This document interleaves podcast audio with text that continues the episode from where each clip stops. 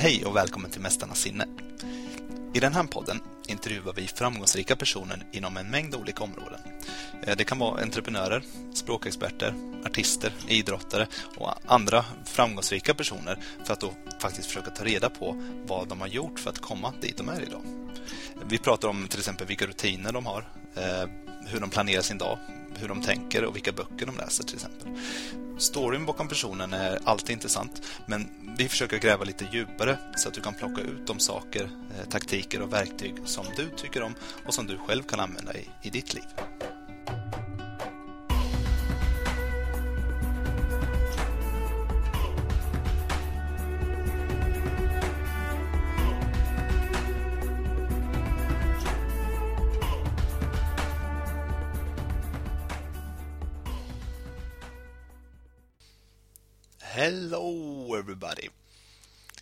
In this interview, I'm talking to Luca Lampariello. He is a polyglot, which means he is a person who masters multiple languages. Luca, he speaks 12 different languages. For example, uh, Japanese, Swedish, German, French, Russian, Polish, among others. This interview is in English, so we could reach out to more people who want to learn how to speak more languages and also learn more about learning overall. En liten del av den här intervjun är ju såklart på svenska eftersom man kan prata svenska då. Jag vill ju givetvis testa hur bra Luca verkligen var på svenska. This interview was super super interesting and we talked about uh, how Luca learned languages so fast, uh, why people give up so easy when they try to to learn a new language. And we talk about uh, how Luca always uses the same strategy and what the strategy is for different languages, but with a few modifications. Uh, we also talk about why the age of a person learning a language does not have to matter, and uh, how you can use his techniques to learn other stuff as well. All right, here comes Luca. Hi, Luca. How are you doing? Hi, Marcus. Very good. What about you? Yeah, I'm fine. Thank you very much. How's the weather like in uh, Rome? Uh, it's kind of cloudy today. It's not as hot as it was in uh, like in the last month, but that's okay. I mean, it's it's it's always good weather here, almost. Yeah. So I can't complain. Uh, good. I, I we it's sunny here, but I I think this is the first really cold morning. It was like two or three degree, degrees when I when I went to the gym this morning. That's uh, Oh wow. a bit too cold. Well, that's in. Stockholm, right? It's normal. I mean, Yeah. It's really cold. We- We're used to it, but then again, every autumn is this is kind of the same shock. It's like, no, it's not going to be that bad. But the first time when it's almost zero, it, it is bad. I can imagine. I can imagine. Uh, so very welcome to to the podcast. Um, I was gonna start to ask you um, because you live in Rome now, but I wanted to ask you where where did you grow up? Um, I was born and raised in Rome. In uh, I was born in 1980, to be precise.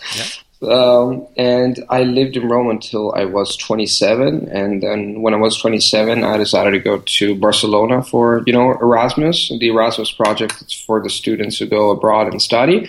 And that was my first experience abroad. But basically, I grew up in Rome. I'm Italian 100%. My parents are also Italian from Rome, uh, first generation. And, uh, and that's about it. Okay. Um, and, and where else? Because we, before we started the recording, we talked a bit about uh, where you were going to move next, and and uh, you told me you've been living in Paris as well. How how long did you live in Paris, and where else have you lived? Well, I, I did live in Paris um, until two years ago, until December 2013, and I lived there for three years. And I also attended a uh, conference interpreting school.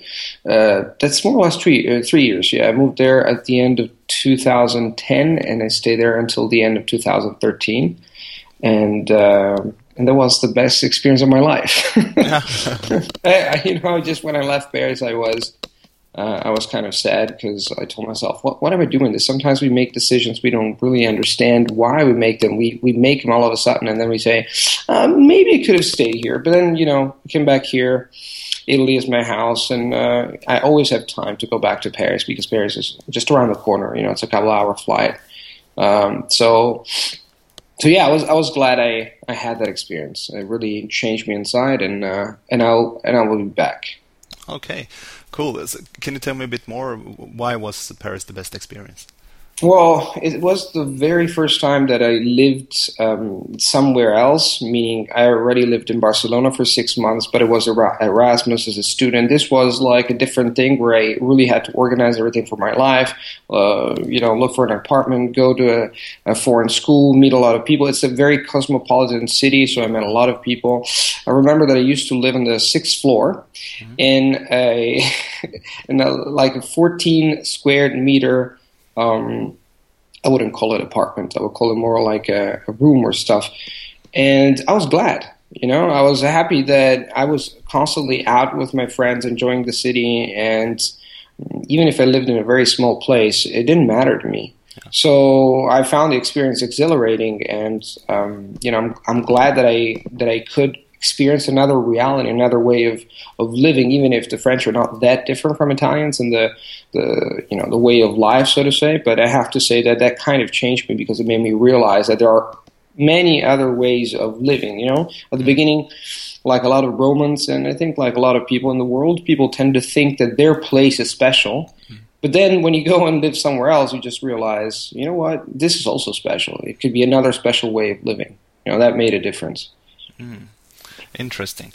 Um, okay, so, what would you say? The, the you said the Frenchmen and the Italians aren't that different. What is the the main? I, I, I recently went to to Nice, and uh, that used to be Italian, right? Because I I heard people saying that uh, Nice is kind of Italian French mixed feeling, so it's better in Nice than in the north of France because it's more Italian. Well, uh, what do you have to say about differences?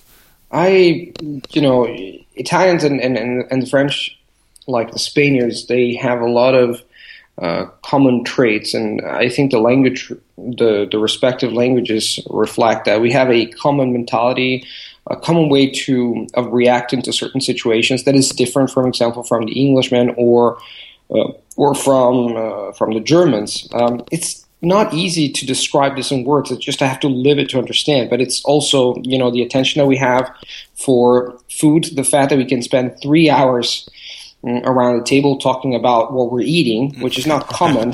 in other in other cultures, people just eat and get away with it. And yeah. for us, it's like you know, contemplating, looking at a glass of wine, and saying, you know, and talking about it. Uh, but it's not just about sitting around a table. It's, it's uh, so many um, or things. So in this regard, the French are similar, and you're right in the sense that in Nice and inside of France, people are uh, more similar to even more similar to Italians. But I think there's a common trait in in, in Paris as well. So um, you know, I, I, didn't find it that different, diff- different, but I also found it different, meaning that in Nice it would be more like, okay, this looks very much like in Italy, like in Barcelona. While in Paris, it's common. There are, we have a lot of uh, common things, but at the same time, uh, obviously Paris is different because there's a lot of there's a lot of differences. I I remember that um, what was really cool was the fact of living uh, within in a family in a, with mm. with a French family for a little bit, and I just realized how many things, how many cultural things, so many. It was it was different, and it was it was incredible at the same time. I, I lived a second life in in France, and that was really quite something. Wow. Is that something you would recommend overall to people to if, if they have the possibility to live with a family in the country they are staying? Well, 100%. Um, I think that everybody, we are always, we're always, we think we're always the same, but we constantly change. And we have, I, th- I believe that languages can actually show different sides of your personality. So when people say, "Oh, you're you have a different personality when you change when you speak French," well, it, it's not exactly that. I'm always the same person, but I show a different side of of my personality. That is what I would have been like if I if I was born. Uh, if I had been born in in in France, um, so living within a, a, you know living in a in a country, learning another language, having most of all having experiences might actually enrich in you in ways you cannot expect. You might find other sides of your personality and ask yourself, is that me? And that's a, mm-hmm. that that's you. It's just that you have to explore, uh, you know, your inner world. It's, it's speaking, learning languages is not just using other words to talk to other people. It's also about discovering um, yourself, and that makes a huge difference. Hmm. That, that's uh, that's super super interesting. Um, uh, I, I actually we're going to come back to that because I have a few questions regarding that. Uh, if someone in a party asked you uh, what you're doing, what you're working with, what what would you answer them? what I'm working on, or well, what, I do, what I'm doing is I'm, I'm going to tell them that I'm having fun first because we're in a party. and yeah.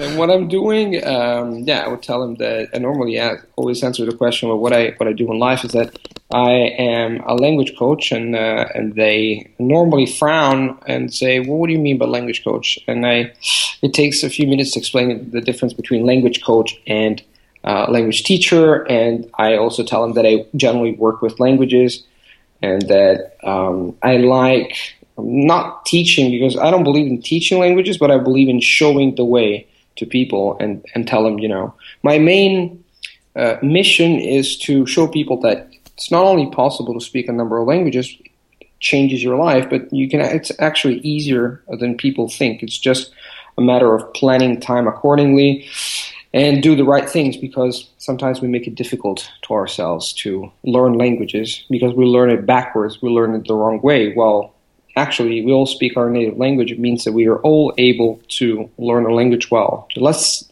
I always tell them, all my students, let's do it the right way. You know. Mm, okay. So, so, so, where is your students uh, located today? Are you doing everything online, or do you have uh, classes in Rome and no, I, I, I do everything online. I do everything through uh, Skype. So I have have students all over the world, from Korea to uh, South America. Now, basically, most most students come from the United States and Europe, but there's there's a lot of Asians as well. Uh, so yeah, basically, I work online. So yeah. I don't have to go anywhere, and they don't have to go anywhere. We just have to meet up online. It's which is pretty cool. That's perfect. Uh, yeah. So um, uh, yeah, you said the most students are from America. What's the most common language they want to learn?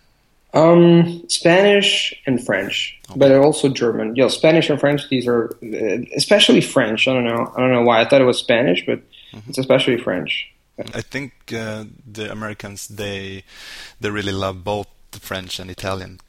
I agree. Culture, no, there's, right? yeah. They're, they're, yeah, that's true. They're also uh, ask for Italian, but I think if for some reason French is like very popular there hmm. uh, too. Maybe I know that people speak uh, Spanish too because it's the second spoken language in the United States. Yeah. Um, but um, the people who ask me to take lessons normally they want to learn they want to learn French and or Spanish. Not uh, Italian yet did happen, but uh, not that much. It's more like I like saying that Italian. You learn Italian more like because of love than because you need it or some. It's a it's a matter of love, you know, with Italian because it's not. It's a beautiful language. It's you it could be useful if you live in Italy, but outside of Italy, it's not a it's not very used. So which is which is a shame. Yeah. You know? Yeah, I agree. Okay, so what we're gonna do now is uh, because so I just want to ask you how how many languages do you speak? it is a question. well, um, depending on the definition of speaking, I know, I know it's. It, it, I normally I, I, tend to say that I speak um, twelve languages, including mine. So eleven foreign languages plus plus Italian. Yeah, and and and uh, one of those languages uh, are Swedish. Uh, so we thought we were going to. I was going to ask you a few questions in, in Swedish as well because uh, the first time actually the first time I heard you talking, like uh, uh, I thought you were American because of your accent. Uh, it is, you have a really really good accent, and uh, then I heard you speak Swedish uh, on one of your YouTube uh, videos, and I was sh- shocked because I mean you haven't been living here and and you could your Swedish is is, is really really good. So uh. I, just thought I just wanted to to to ask you a few few questions in Sweden Swedish. Yeah, of course. Okej, okay, så, så det jag tänkte fråga först var eh, varför valde du att lära dig just eh, svenska? Mm. Uh, man kan tro, som många människor gör, att uh, jag lärde mig svenska på grund av alla svenska tjejer. Men, men sanningen är den att uh, jag väljer inte riktigt vilka språk jag ska, ska lära mig, utan jag låter språken välja mig. Och det var så det med, med svenska.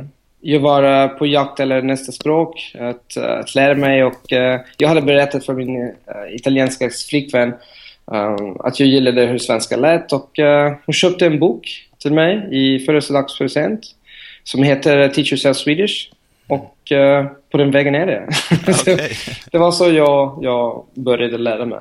Ja, häftigt. Hör du, kan du se, har du lärt dig något norska och danska också? Ser du skillnaden mellan de språken? Uh, nej, uh, jag pratar, nej, jag pratar bara svenska. Men uh, jag, när jag pratar med norrmän pratar, pratar vi, jag, jag pratar på, på, på, svenska och de svarar på, på norska. och Vi förstår varandra. Och, men det är inte detsamma med, eh, med danska för att jag förstår ingenting. De, den, det är som att ha i potatis i munnen. det är som säger hela tiden. Men uh, nej, jag vill, jag vill lära mig uh, danska också. Det är fascinerande. Men, uh, men nej, jag tror att det är bättre att bara prata svenska. För att ah, det. det, kan, det, kan, det kan vara en problem. För att de, de, de där språken är jättelika. Och, Ja. ja. Men jag är glad att jag pratar svenska i alla fall. Ja, vad skoj. Jag, jag, det är precis samma för, för mig, tror jag, de flesta andra svenskar också. Jag, jag förstår ingen danska alls nästan, men de förstår ju vad vi säger. Ja. Eh, och norrmännen förstår ju vad de säger, men vi, kan, vi pratar liksom. De pratar norska, vi pratar svenska. Ja, ja intressant. Eh, vad var svårast med, med svenskan då? Um, intonationen.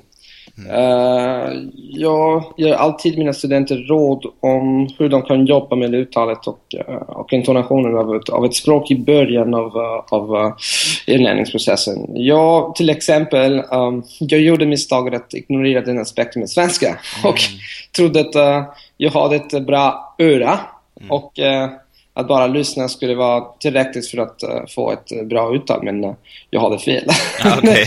men, men till exempel när jag hade laddat upp min första YouTube-video så fick jag massor med bra, bra feedback och jag började jobba med intonationen igen, men jag tror att det, det, är för sent och, för, för, att få ett riktigt bra uttal. Men i slutändan är jag glad att jag kan tala svenska och den den viktigaste biten är att uh, jag talar tydligt och att folk förstår mig. Ja.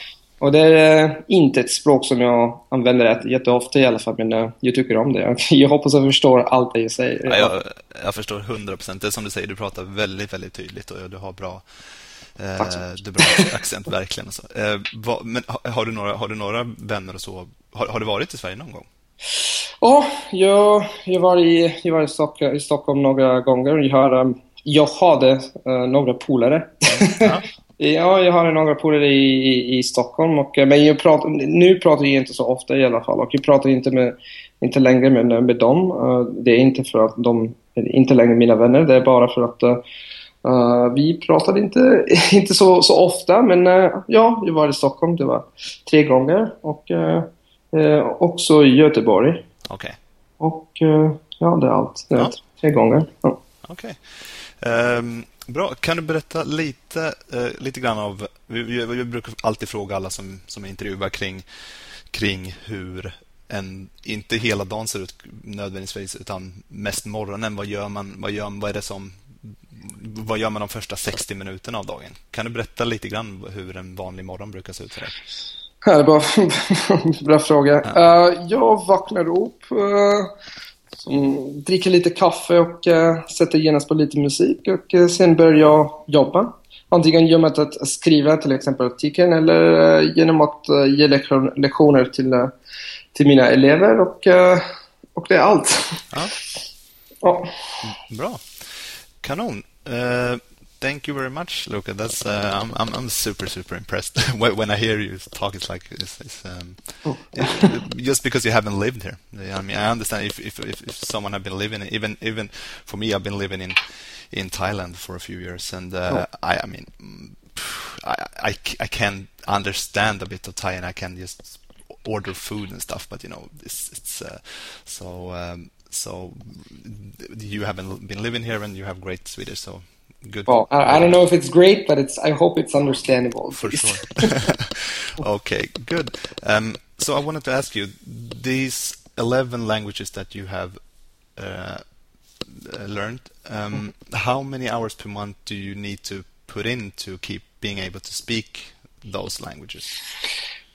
Uh, you know, it's a difficult question to answer because um, I, you know, when when you refer to time, I don't know. Uh, I have to be more. I have to be more precise myself when I give this this uh, this answer, and I have to tell you that, um, you know, when it comes to uh, putting the time, it depends whether you put you decide to spend time deliberately with the language that's one thing but the thing is that once you uh, and this really makes a difference in the life of a so-called polyglot that is a person who speaks many languages it's a way it's your style it's your lifestyle that really uh, makes a difference because because of my work I have to put, you know, I, I, work with languages. So basically, I don't think about time anymore. Mm. So I don't think about how much time I put in say French or Spanish because I tend to speak a, a lot every day and I have to look for new words and I have to prepare the lesson.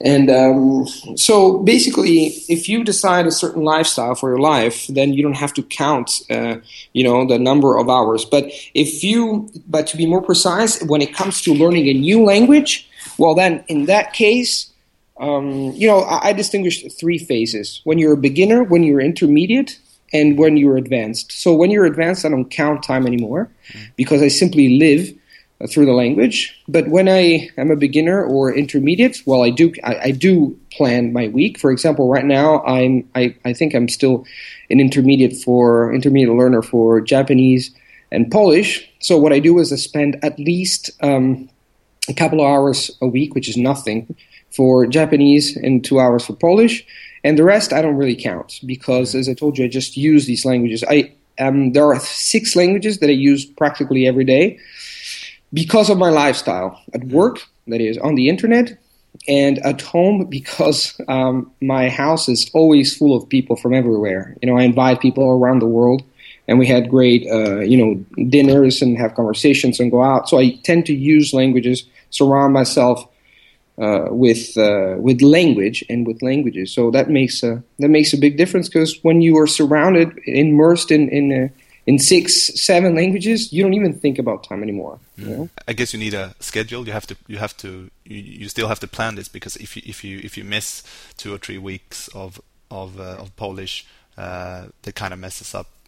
yeah, that's correct. yeah. So um, how do you plan? How, I mean, it doesn't it doesn't really mess it up, but but but you're right. You, there are two things. You have to know when to do it. That is planning accordingly, plan, planning in a, in a in a proper way. And the second thing is you have to know what to do. So basically, what I do, I always use Google Calendar, and the week before, maybe on Sunday, I decide the time slots that I'm going to dedicate to, say, Polish. So, for example, I make sure that I have at least once uh, a week a 45 minute session with my Polish tutor that is, for example, I'm going to tell her everything that happened during the week or my thoughts or my plans or my dreams and we just you know she corrects me she gives me feedback and then i make sure that i record the conversation and i review it in a in a certain way so that i can remember words later so i have two sessions 45 minutes then i have another session of say 45 minutes a few days later so that I can actually put some time to remember and restructure what I learned. Because when you have a simple conversation like that, uh, you tend to forget things, and mm. I want to make sure that I that I I use quality time. So it's, it's smart work. It's not about spending. A lot of people think that I spend ten hours a day on, on language learning, but when it comes to language learning and not practicing or not living, I actually put very little time. It's the, what I do after I get to intermediate level that makes a difference because my, my whole strategy is spend as little as time, not as little, but quality time when it, at the beginning of the learning process, and then you can actually spend more and more time with the language, but you don't think about time anymore because simply you're using the language. So it's it's a it's a peculiar strategy because I believe that hitting the books, so to say, as they say, is is good, but I tend to stay with language learning material as least as possible because I want to move to authentic material and, and, and enjoy the language and, and live with the language. That's the reason why, Marcus, you said before that you were very surprised that I don't live I never lived in Sweden, in Sweden, and yet I speak Swedish. Well, because of my lifestyle, I had the opportunity of speaking Swedish here in Italy. So I just made sure that after I learned Swedish to to a decent decent level, I could use it and interact with people. And you might ask myself, well, you might well, you might ask me, where did you find these people? Well, you know, these people will find you if you're looking, if you're open to, uh, you know, I was sitting, I remember, I was sitting in a bar. Mm-hmm. And I saw a bunch of girls. Okay, now you might think that that's the reason why I want to learn Swedish, but I said in Swedish that it's not. And uh, actually, I remember that one was Norwegian and started speaking Swedish. And actually, Norwegians and Scandinavians are always very happy when they hear somebody speak, uh, you know, Swedish. Oh, you speak Swedish? What's that? You know, uh, it's so, so sweet, you know, it sounds so sweet, etc. And then we started talking, and then with all my friends, we started going out, and I was practicing more and more, and I and I really liked it. So it became part of my life. So when you ask me a question, how much time do you put? It's the lifestyle that makes a difference. When it comes to learning or putting deliberate time, I wouldn't say more than two, three hours a week for the languages that I'm currently, uh, you know, practicing. So at, I, I'm an intermediate level at, and these are Japanese and Polish. So all in all, it might be no more than four or five hours a week. Mm, okay. These two languages. Okay, so uh, now we're kind of getting into this question anyway that I was going to ask, and this is a super, really big question, of course. Uh, but I just, if you if you could just give us a few uh, um, bullet points Pointers. on, yeah, wants to do. Um, so if I wanted to start learning, let's say, uh, not I mean, I, I guess it's maybe it's a dif- is it the difference if I want to learn something difficult for me like Japanese or uh, if I want to learn Spanish? Is it is it a big difference in the in the strategy? Mm, I would say that what you should come up with, and what what I have is a fixed strategy. My strategy is always the same, but it's flexible and it actually depends on the language I am learning. So learning Japanese is not like learning Spanish. Every language is different and I always say that what really counts is the relative distance between the two languages. That is, if you say are learning you're Swedish and you're learning Norwegian, well, that might be a little bit different than learning Japanese because Norwegian is you could even learn Norwegian by simply talking, by simply speaking. Um, and you can uh, maybe work on the pronunciation because that's the aspect that it may be a little bit different in terms of tones. It's a similar pronunciation, but not the same. So you can focus on that one and start speaking, say, from day one, from the very beginning, um, because because of the similarity of the two languages. But in the case of Japanese, you can't do that because it's completely different. So of, of course you have to uh, change uh, the strategy. You cannot. You could be speaking from day one, but I uh, I don't think that's a good idea. So yes, the my strategy is always the same in the sense that I always use the same book to start um, understanding and grasping the the basic structure of the language. But all in all, the strategy changes because of the specific language. For example, d- depending on the specific language. For example, in the case of Polish, which I started three years ago approximately. I started speaking from the very beginning because I already spoke uh, Russian, which is a Slavic language, and it really helped.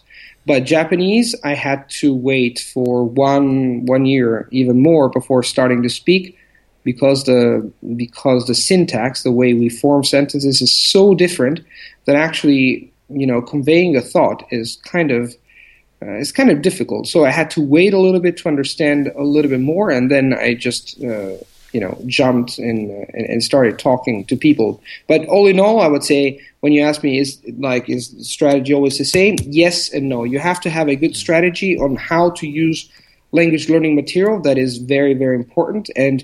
Uh, you know the strategy also depends on your personal taste, but you have to come up with something you like, and then you can decide uh, case by case and also, your decision, how you develop your strategy, also depends on where you are. If you want to learn Japanese and all of a sudden you find yourself in Japan, well, that's a different thing than living in Sweden. Or uh, you might be in Korea where there's a lot of Japanese. So it really depends on a number of things like the, your chances in life, where you live, your motivation, your time on task, your uh, the, the, the time that you want to put, your job, uh, you know. And but remember, for me, the most important starting point is to develop something that is develop a strategy that is efficient um, in terms of absorbing the the material that you're using, like books, language learning books. That's that's important, no matter where you are and no matter what language you want to learn. All right. Okay. So let's let's say uh, I want to learn Spanish then. So just, just to get a, a few pointers, and then how would I start?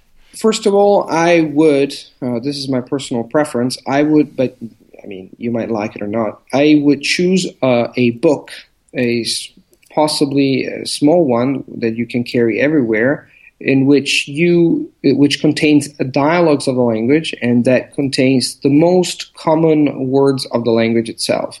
And one excellent book is um, Assimil. It's called Assimil and stands for Assimilate the Language, and it's very very famous in Europe, very popular in Europe, not that popular in the United States for some reason because they, they, they didn't, uh, you know, invade, so to say, the American market. But Assimil is a great book to start with. It's a bilingual book. You have both languages.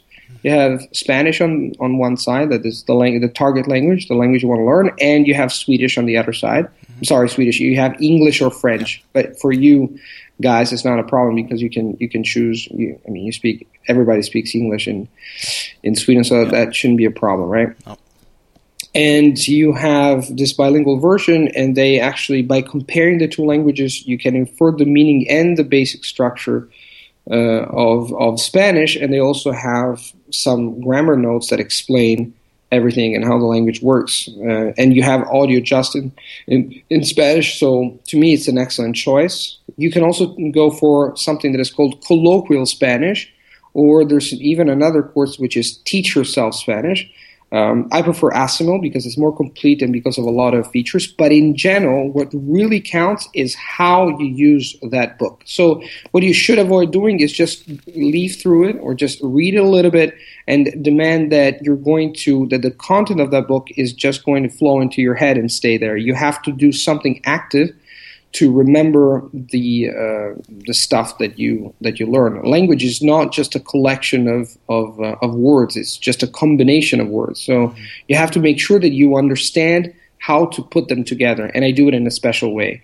Mm-hmm. I have this uh, bilingual translation that I use. Um, I cannot explain it in detail here. It would take a couple hours. Normally, people ask me privately, do they take lessons to understand how this works? Mm-hmm.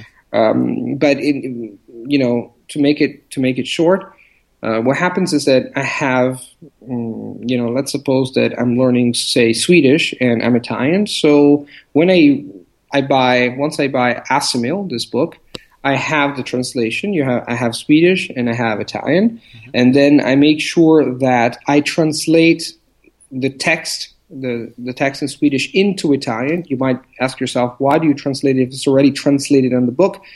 Uh, well, it's because you personalize it and you're writing it. You cannot translate something that you do not understand. So by translating it from Swedish into Italian, you make sure that you understand the text in Swedish mm. uh, because, uh, you know, uh, you already analyzed the text, you already understood it. Then on another day, you just took take a look at this, the, the part in Swedish again without looking at the part in Italian. You translate it into your mother tongue, and a few days later, you translate it back into Swedish. And by doing that, of course, you're going to mess it up sometimes. You're not going to remember some words. Mm. But this is an operation that is called recall uh, in, in cognitive uh, terms, so to say, scientific terms. And it's very, very powerful because it allows you to think directly in the language and to remember the words, but above all, to structure them together. Mm. And um, and this is very powerful. Uh, I train my students to do that, and it doesn't only work with me. Some people say that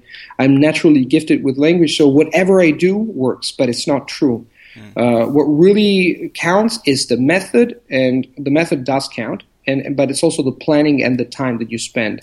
Because as I told you, I these operations, this is the what I do, but the when is super important because our brain, by the the way our brain uh, learns abides by certain cognitive principles. If you don't abide by these principles, you're not going to learn very efficiently in a very brain friendly way. And sometimes we make it difficult to ourselves uh, to to learn uh, to learn in an efficient way. But I always say that the brain is a fantastic machine to learn anything if you put the right uh, the right fuel mm. in it. No. When I'm starting to learn Spanish, how much time do I have to schedule for it? I guess it's right. Uh, it's in, very it's, individual, but it's an it's an excellent question. So what what I what I said before is that I don't count time when I speak a language at a fluent level, mm. but when it comes to especially at the beginning and then in the intermediate level, I do have to count time. And the number one principle is uh, first to spend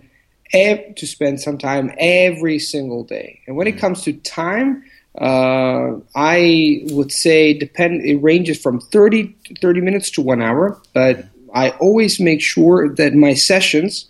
I divide these sessions into uh, 30 minute sessions. So if I have an hour, I dedicate two sessions of 30 minutes that are separated during the day. Say, for example, I wake up at 8, which is not true, by the way. I'm not mm-hmm. exactly a morning person. Let's suppose that I wake up at 9 yeah. and I work from on, say, a language, and I'm going to learn Hungarian very soon. So that's, that's exactly what's going to happen. 30 minutes in the morning and 30 minutes maybe in the afternoon or at night. I make a very specific plan because we all have every day the level of our energy varies very much. So right now it's at the top, and probably in the afternoon it's going to be at the bottom.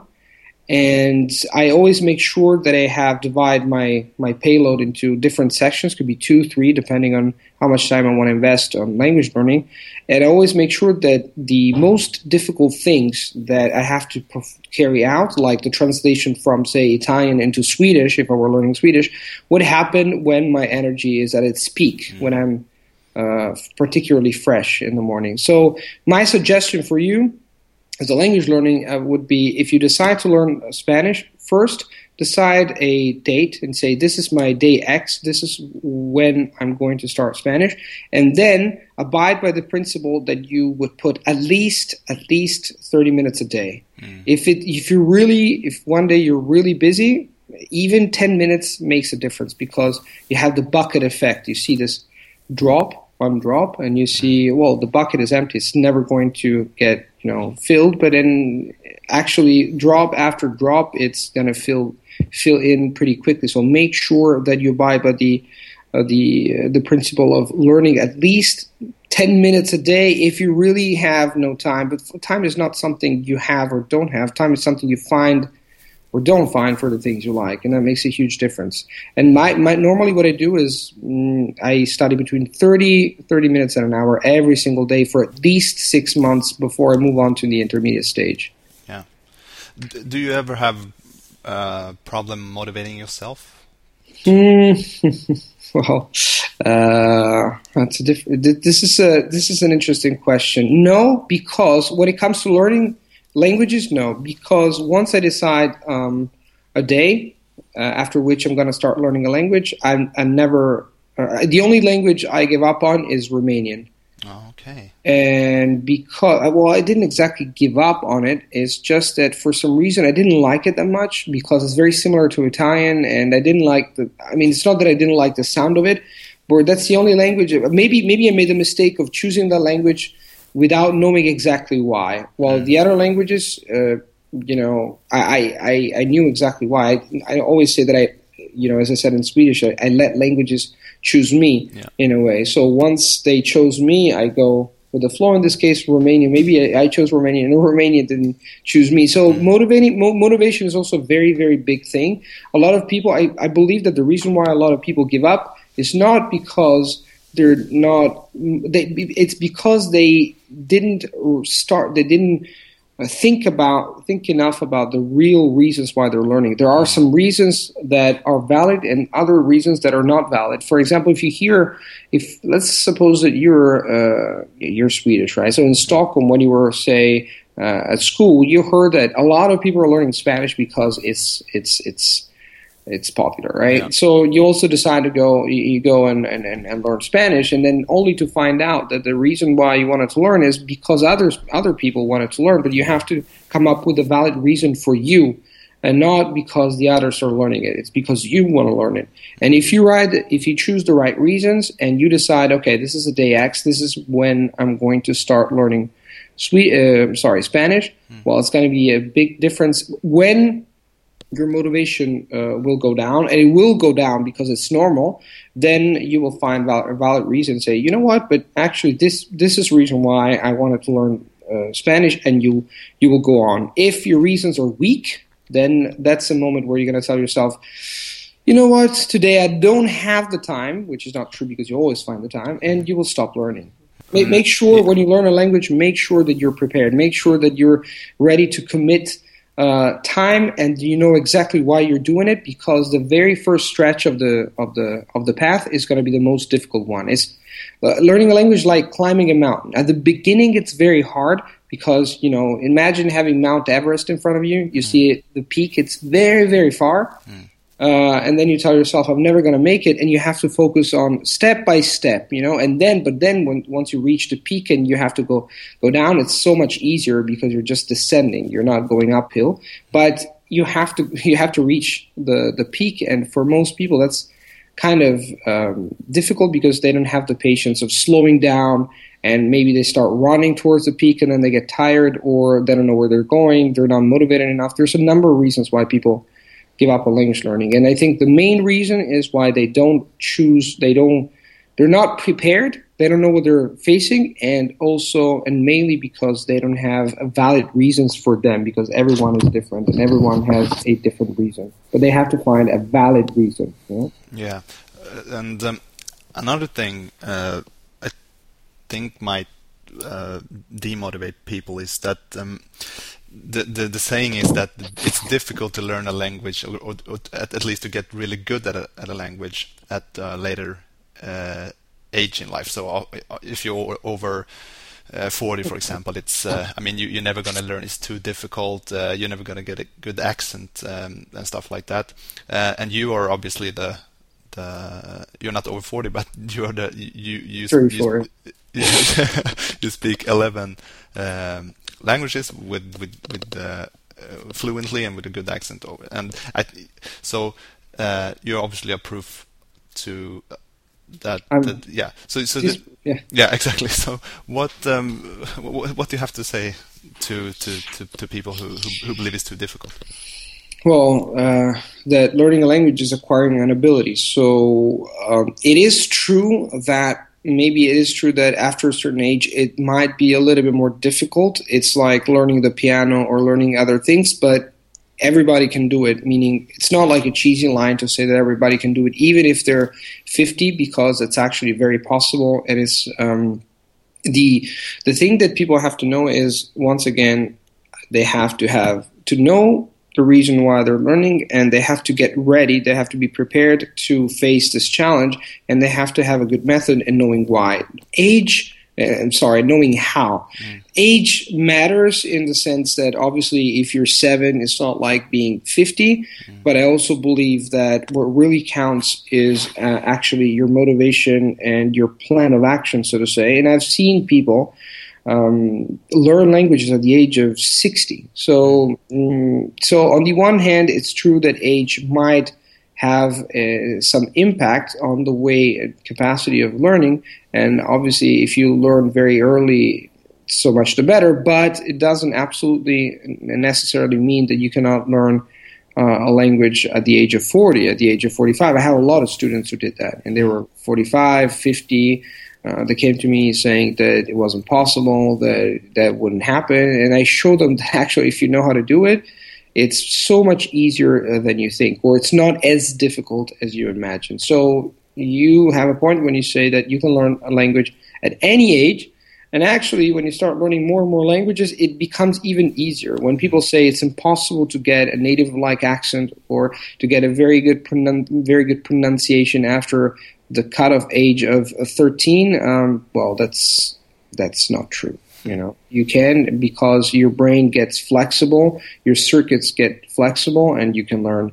And it's also it's all it's always about training. Imagine if somebody comes and says, I'm 50 and never done sports before, well, if you start doing sports, your body's going to get used to it, you know, and you mm-hmm. can do sports and, and then, and it's not impossible to do sports when you're 60, when you're, even when you're 70. It all depends on your lifestyle too. You know, it's not about age, it's about lifestyle and, and making the right decisions for yourself. Mm. All right. Uh, we were talking about this uh, in the beginning, and uh, and I also heard you talk about this in in, in uh, earlier interviews you have made. Um, and you were talking about how your, your your thinking changes when you speak a different language. Also, your facial expression, your like your body language, your tone uh, changes. So, could you tell me a bit more about this? I mean, how your thinking changed, and then also your your facial expression and tones. But what changes is the. It is true that when I speak different, what, what when I was saying before, as I was saying before, when you speak different languages, you are not, it's always you, but obviously there's another side of your personality that comes up.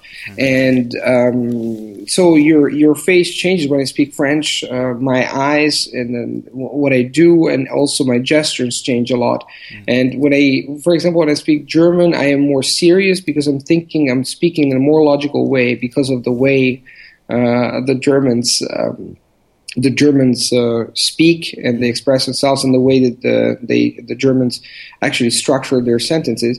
Uh, there's a theory according to which, actually, there are contrasting theories, according to is thought that influences language or language that influences uh, hmm. thought. And I believe that that's a very important, important and, and actually uh, difficult question. And I believe that when I speak a language, um, my thoughts are never the same. But if I speak English, the, what I say and how I say it is different than what I would say if I were speaking Italian. So in a way, uh, I think it works both ways.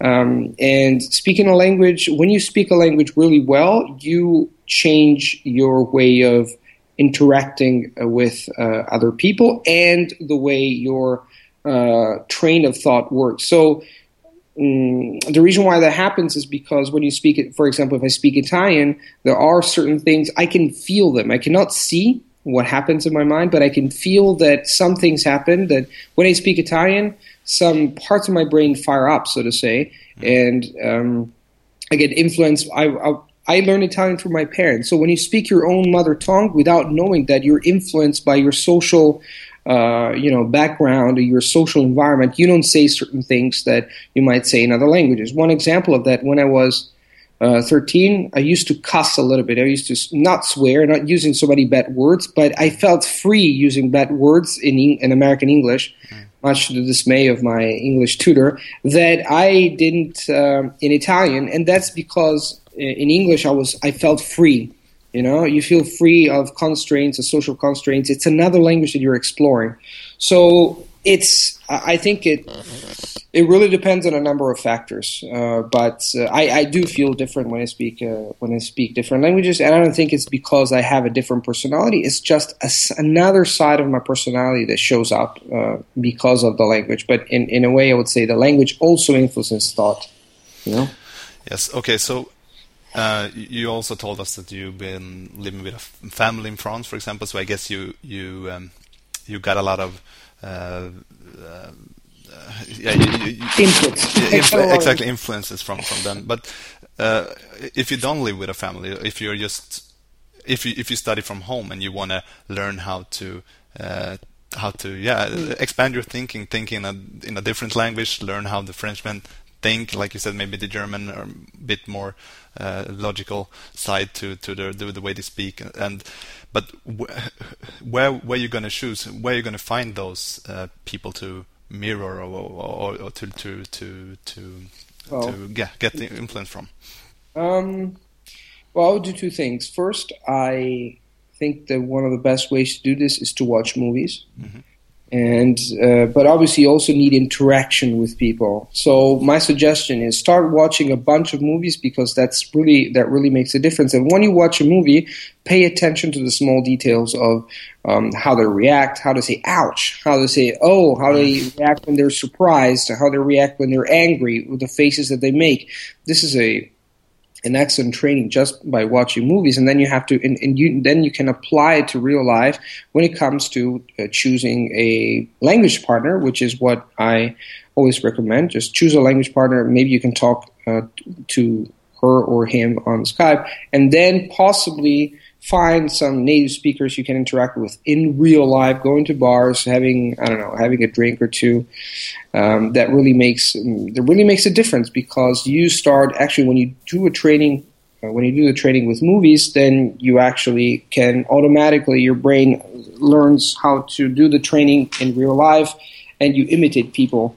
You tend to imitate people without even knowing that. You know, so it's a it's a double thing. The first is to watch movies as much as you can with subtitles, um, and then and then you go and uh, and look for native speakers because human interaction always makes a difference. Mm. You know, you, you have to speak the language you want to speak it well. Otherwise, it's not going to happen. You can watch three thousand movies, but when it comes to speaking, you have to speak. There's nothing.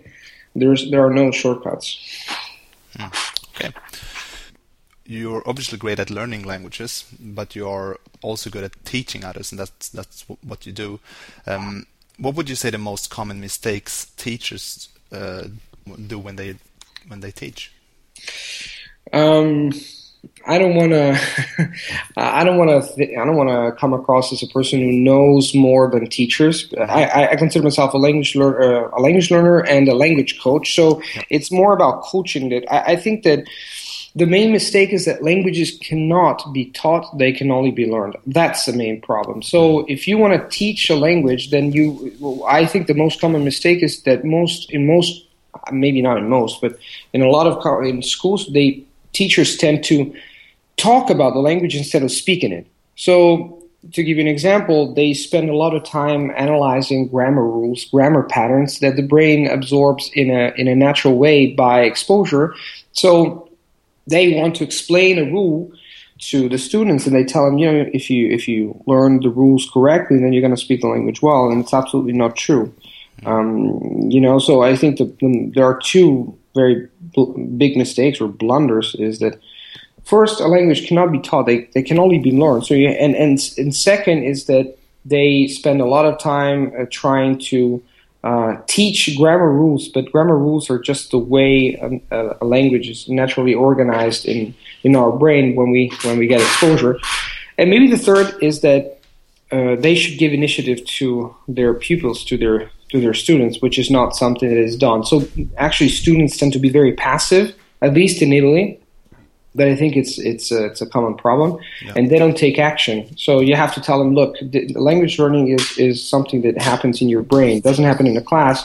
So if you spend just a couple of hours a week on English or French or whatever, it's not going to happen. You're not going to learn it. You have to spend time with the language every single day when you come back home. That's what makes a difference, and that's actually what made the difference when I uh, I went to school because I instead of you know instead of having just a couple of a uh, couple hours of French a week, I just spent every single night watching TV shows or TV uh, movies because I'd actually found out that I had a channel, French channel at home, and I could watch it with subtitles. So after a year, I was fluent in, in, in French. Well, all my not all of them, but most of them, most of my schoolmates were struggling with French, saying, "Oh no, it's very difficult." For me, it was very easy, not because I was smarter than them, but because mm.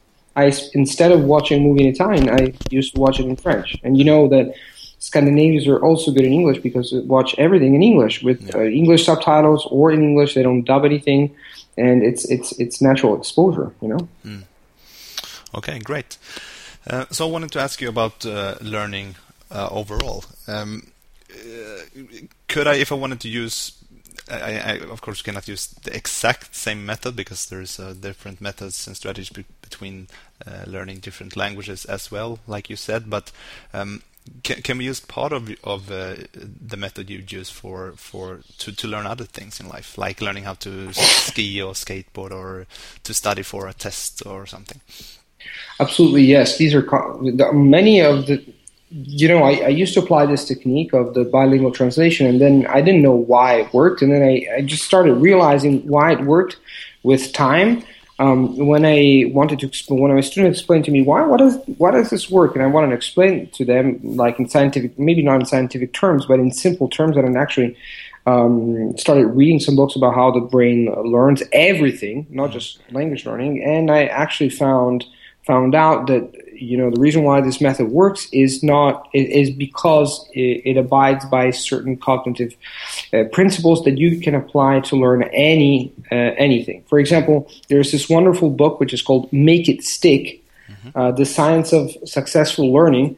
That talks just about that, about the fact that there's very common and received ideas of learning. For example, uh, repeti- when you want to learn something like a language, when you want to learn something like history or geography at school, that is repetition, right? So you want to do something, the more, there's this common idea that the more you repeat something, the better it is, but they show you that it's better it a few times, but with quality, uh, by repeating something continuously uh, and putting quantity to the detriment of time because you're going to put a lot of time uh, in it and maybe you're going to be successful but to the cost of spending a lot of energy and time on something and motor skills how we actually acquire uh, skills like walking running skating, swimming actually follow the same exact uh, evolution, so to say, the same three phases of language learning. And also, there you have to abide by, by certain principles. Learning the guitar, whatever. It's, these are all skills that you acquire, and you have to know how to acquire to acquire them. And if you acquire them the, the, the right way, it's going to be much easier than acquiring the acquiring them backwards, so to say. So um, for example, language, I strongly believe that the reason why people think that learning a language is difficult is because they tend to do it backwards. They tend to do it the way it's not, sometimes the way it's not supposed to, um, you're not supposed to learn. If you try to nail down all the grammar patterns and try to learn all the grammar rules, then you think more about applying these rules than applying them for real. Because uh, I'm pretty sure, Marcus, that if you when you speak Swedish, you don't think about grammar rules in Swedish, you know. And the same thing when you swim, you don't think about the rules of the movement in the water, you know, uh, dynamics. When you ride the bicycle, you don't think. It, actually, we uh, we tend to be able to do a lot without without knowing that much about these things. You know, you can ride a, riding a bicycle actually entails behind that. There's a lot of difficult um, physical principles of uh, balance and but actually we do it very naturally. So you know if you want to make it easy to yourself just you know focus on doing that but you have to do it in a certain way. And there are certain ways of doing it better than uh, than others. And uh, if you read this book you're going to find why you know it's not just about learning you know languages. It's about learning anything. I remember that i found out uh, um, the system of learning um, when I was at university, I found a way of learning better and prepare for my exams in general. So it works for everything.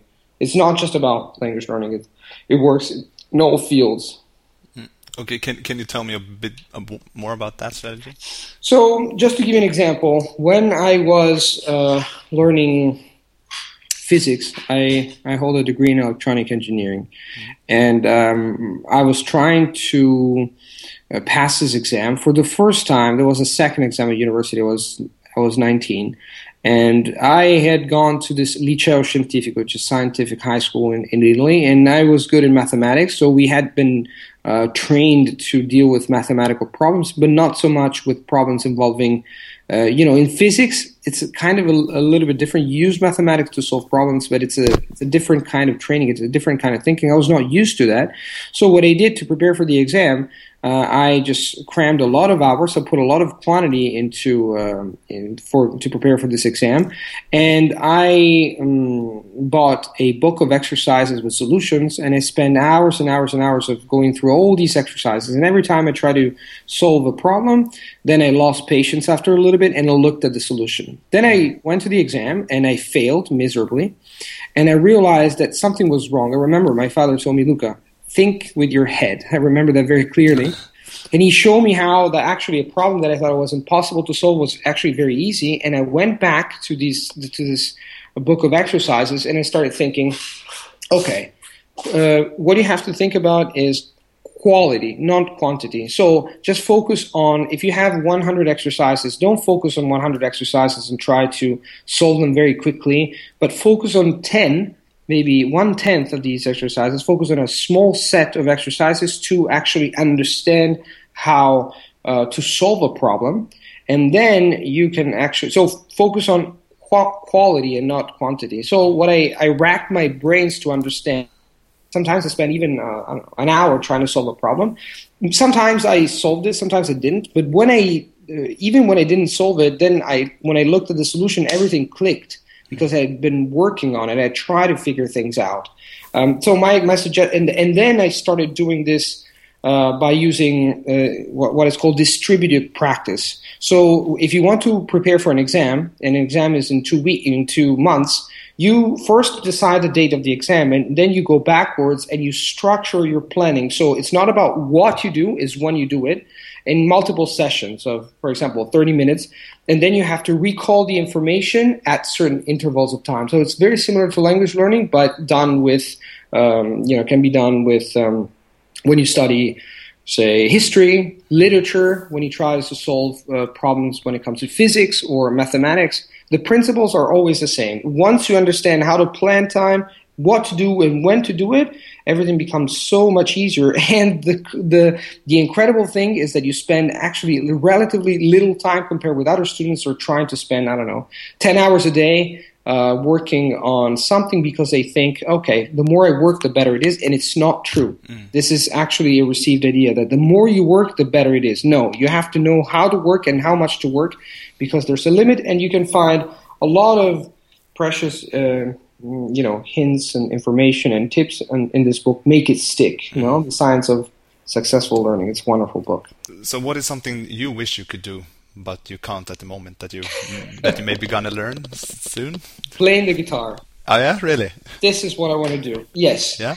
Yeah, it's not about you know. I just decided to learn whatever um, Hungarian, other languages like Greek, Hungarian. But what I want to do is to play the guitar because I used to play the the piano a little bit when I was a, a little kid, but then I just realized, you know what, playing instruments is something. Music is something I really, really, really like, and um, maybe next year. I don't know about this year, but I want to uh, to learn to play the uh, the guitar and maybe possibly another instrument because uh, music is life, as they say. Mm.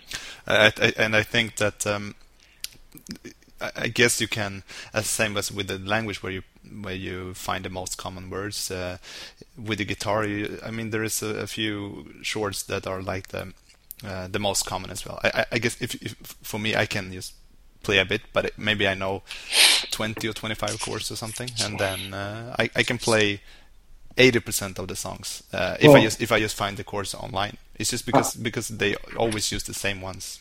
So yeah, actually, it's it's a very good analogy. I got a friend of mine who's who speaks languages and plays the guitar very well. Who's, who used to say that playing the guitar is actually the most similar thing, uh, the most similar process to learning uh, to learning a language, and and I'm kind of curious to know how I'm going to apply that because I, I, have have no clue on how to play the guitar, but I'm going to try to use the same principles for language learning, and uh, and, and, let's see how that goes. I'm yeah. excited about that. Yeah.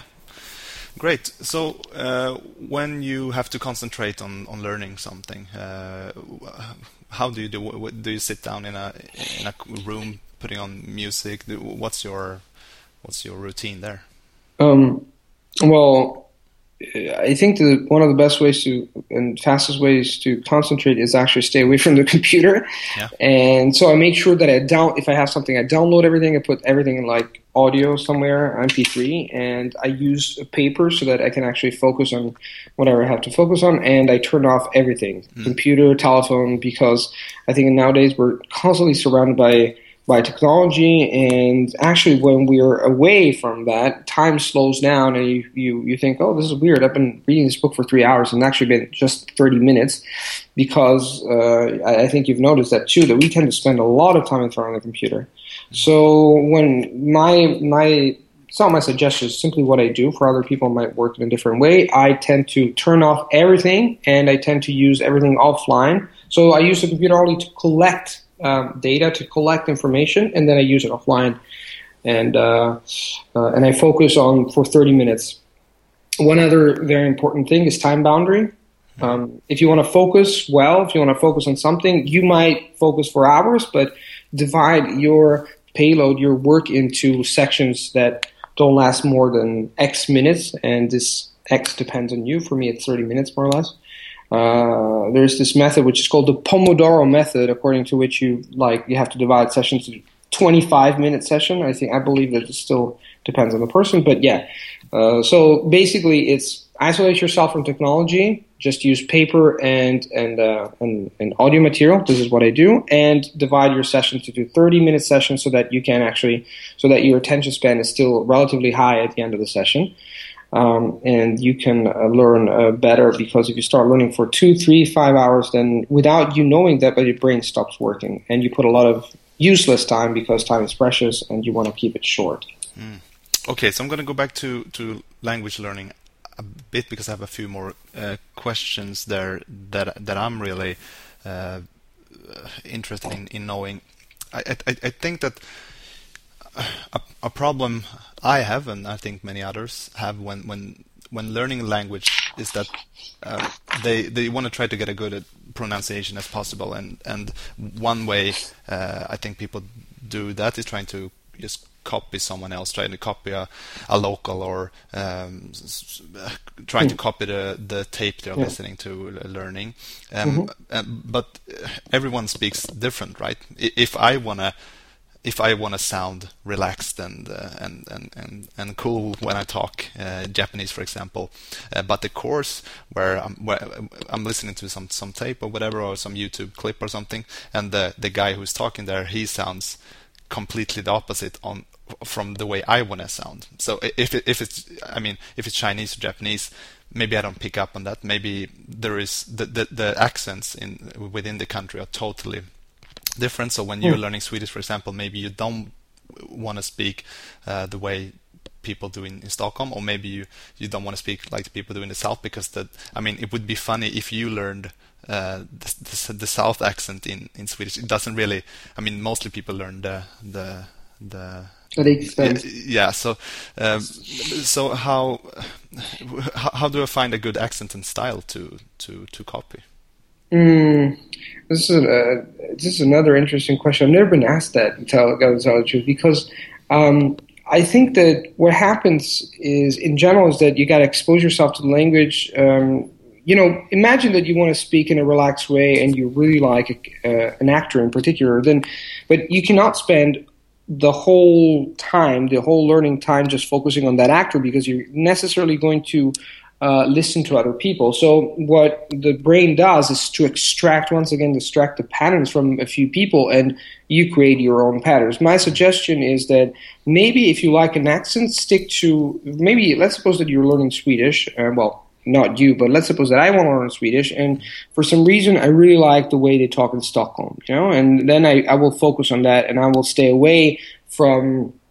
Uh, let's suppose that when I have to decide, oh, let's watch a movie, I'm going to watch a movie that is in Stockholm by people in, uh, people who speak in a certain way, etc., etc. Mm. So, um, and obviously everybody's going to be different. So you're going to get exposed to a person who speaks in a relaxed way, a person who's stressed. Um, but um, you know, I think that you don't you don't have to choose a, necessarily a role model. What you have to expose yourself to is the many ways in which a certain accent is being used, and that is um, for example, in, in Spanish, that's relatively easy to do because you can buy Assimil and you have perfect voices, but people have no accent like standard accent. Mm. And you can expose yourself to that one for a little bit, and then you can actually go and look for uh, other language material on the internet that has a standard accent. Language learning material normally has voices that have a standard accent, mm. so that's not difficult to find. But like in Swedish, nobody when when you start learning a, a language, when you're listening to language learning material, the only problem is that you want to uh, at the beginning you have to get used to the language and they speak in a very artificial way. They speak in a very simple artificial way. Nobody speaks like uh, they speak in, on Assimil at the beginning and they s- imagine learning english and they say hello can you give me a cup of tea? No nobody speaks like that. They speak very slowly very clearly but you can use that in order to uh, absorb the pattern, so to say, and then you can actually go for authentic material in which people speak. But once again, just stick to, um, you know, maybe you can stick to a, not to a person, but an accent. So a way some people are using uh, the language. Say, if you're learning Swedish from an accent from from Stockholm, maybe from Göteborg. It also depends on the Gothenburg in, in, in, English. It's, it also depends on the people you hang around with. If you meet a lot of people from Gothenburg, for example, you're learning Swedish, well, you probably speak in, in that way. It depends on uh, who you expose yourself uh, to when it comes to native speakers. But at the beginning, you have the choice as a language learner to expose yourself to material that contains that has a certain accent. If you mm. want to learn American English, well, just watch movies in American English. If you want to learn British British English, stick just to movies that uh, that you know British English movies. So I wouldn't I wouldn't say stick to uh, just one person to copy because it's going to be impossible for you to copy just one person. You're not going to be exposed to just one person, but you can be exposed to a number of people who speak uh, with a certain accent, and um, and I would go for that strategy. Mm, okay, great. Um, what what other um, polyglots do you look up to? Um, you know, I really like two people, and one is Richard Simcott. I don't know if you know him. Richard Simcott is a British polyglot, and I like him not because he speaks a bunch of languages, but because he's a humble person. Mm-hmm. I appreciate that in in a, in a person in general. You can speak as many languages as you want, but if you're not a humble person, that doesn't count. Uh, and another one is her name is Kato Lomb. She's she used to be uh, a, she's a very famous Hungarian interpreter who she's she's dead now, but she um, uh, she wrote a very interesting book, which is how I learn languages, and I really like her philosophy. It resonates with me, and I really I've never heard her speak languages. Uh, it doesn't matter to me because I, I can already tell by the way she wrote the book that she uh, she interprets you know the, the phenomenon of, of, language the way I interpret it, the way I see it, and and I really um, it, it really matters to me. So to me, when I look at, at, at, at the so-called polyglot, it doesn't matter how many languages he or she speaks. It's the way he speaks them, the way he talks about them, the way he talks about native speakers, the way he talks about the world, the culture, and himself or herself that, that counts. Okay. Could you please spell out her name? Kato Lomb is K A T O L O M B. So Kato Lomb. Kato Lomb. All right. Thank you very much. Okay. Um, um, one question I have about uh, so, so th- this question is of course depends on uh, what you're going to use the language for and where you're going to live and so on. But uh, which language do you think is the most important to learn other than English? Well, as you said, it really depends on uh, it really depends on um, where you're going to live the people you're going to, I think that's going to be the language you use the most. Um, I think in general, on a, on a, global scale, Mandarin Chinese is becoming more and more important. Mm-hmm. So on a, on a, on a, as, like from an objective uh, standpoint, um, that's, that's true. But once again, it really depends on the individual. For some, for some people living in, say, uh, South America, they will never hear and speak Chinese. So, um, it, it really depends on, on where you're going to live and, and, and the people you're going to hang around with. If you decide to go live, live in, in, say, Prague, and then one Czech becomes very important. Mm. So, on the one hand, you have the uh, there are some languages that are inevitably more important uh, than others in terms of influence that they have because Mandarin Chinese is spoken by more than one billion people, but also if you go for Chinese, you don't have to go for Chinese because it's the most spoken in the world. It's because it might be useful for you or because you might be interested in the culture. That makes a huge difference. If you mm. learn a language just because it's popular, it's not going to cut it. Yeah. You know? Yeah, then we go back to what we talked about before. So, yes. good. Yeah. Great. Um, what is something you're really good at that few people know about? Is there something? oh, um, hmm. I'm good at organizing parties. yeah, oh, yeah, really. Yeah. You, you, have to come here to Stockholm, organize one, yes. a, a, language party. Yes, definitely. Oh, okay, cool. Um, okay, so we're gonna start to uh, round up here, but one um, last question I have is if you could recommend three books. It doesn't have to be about learning, about anything you want. What three books would that be? Mm, well, uh, I told you about Make It Stick. This is one recommendation. Uh, it's about learning everything. Another one um, is um, actually they're in German though, because these are the books I really like, but they're in German. Uh, so um, uh, another one is Seven Principles of Highly Effective I don't know if you ever heard of that. Yeah, the I've read it. yeah. The, the, seven principles of highly, highly effective, effective, effective people. people. Yeah. Yes, this is for sure uh, one. And there's another one which is called Le- Lernen, which is Manfred Spitzer writing it here, um, which is all about learning uh, and how the brain works, and uh, and uh, and this is what what I talked about before. And um, it depends on what people want, though, uh, Marcus. Because if you ask me, is this about learning or is is this about in in general? You know, Yeah, it's, it's in general. in general, uh, I would say mm, also I really like um, The Stand. Have you ever heard about The Stand? Yeah, sure. The Stand, like Stephen King, it's it's about life, death. Uh, uh, it's, it's it's very interesting for me, and, Yes. and, and this is something I I recommend people read because it's really cool.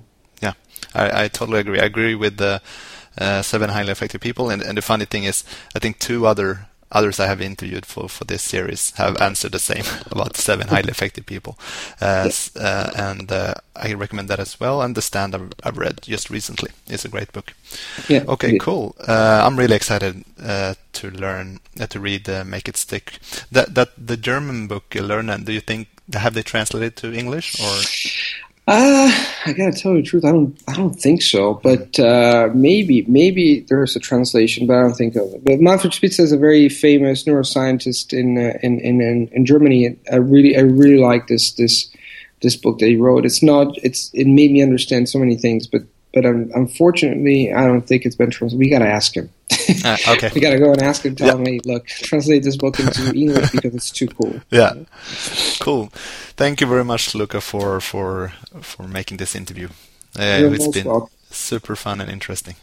Yeah, thank you, Marcus, for inviting me to the show. Sådär. Tack så jättemycket för att du lyssnade på det här avsnittet. Glöm inte bort att följa oss på iTunes eller på Soundcloud för att du får de nya avsnitten där. Och följ oss gärna på Twitter eller Facebook också. Ha det riktigt, riktigt bra tills vidare så hörs vi snart igen. Hej då!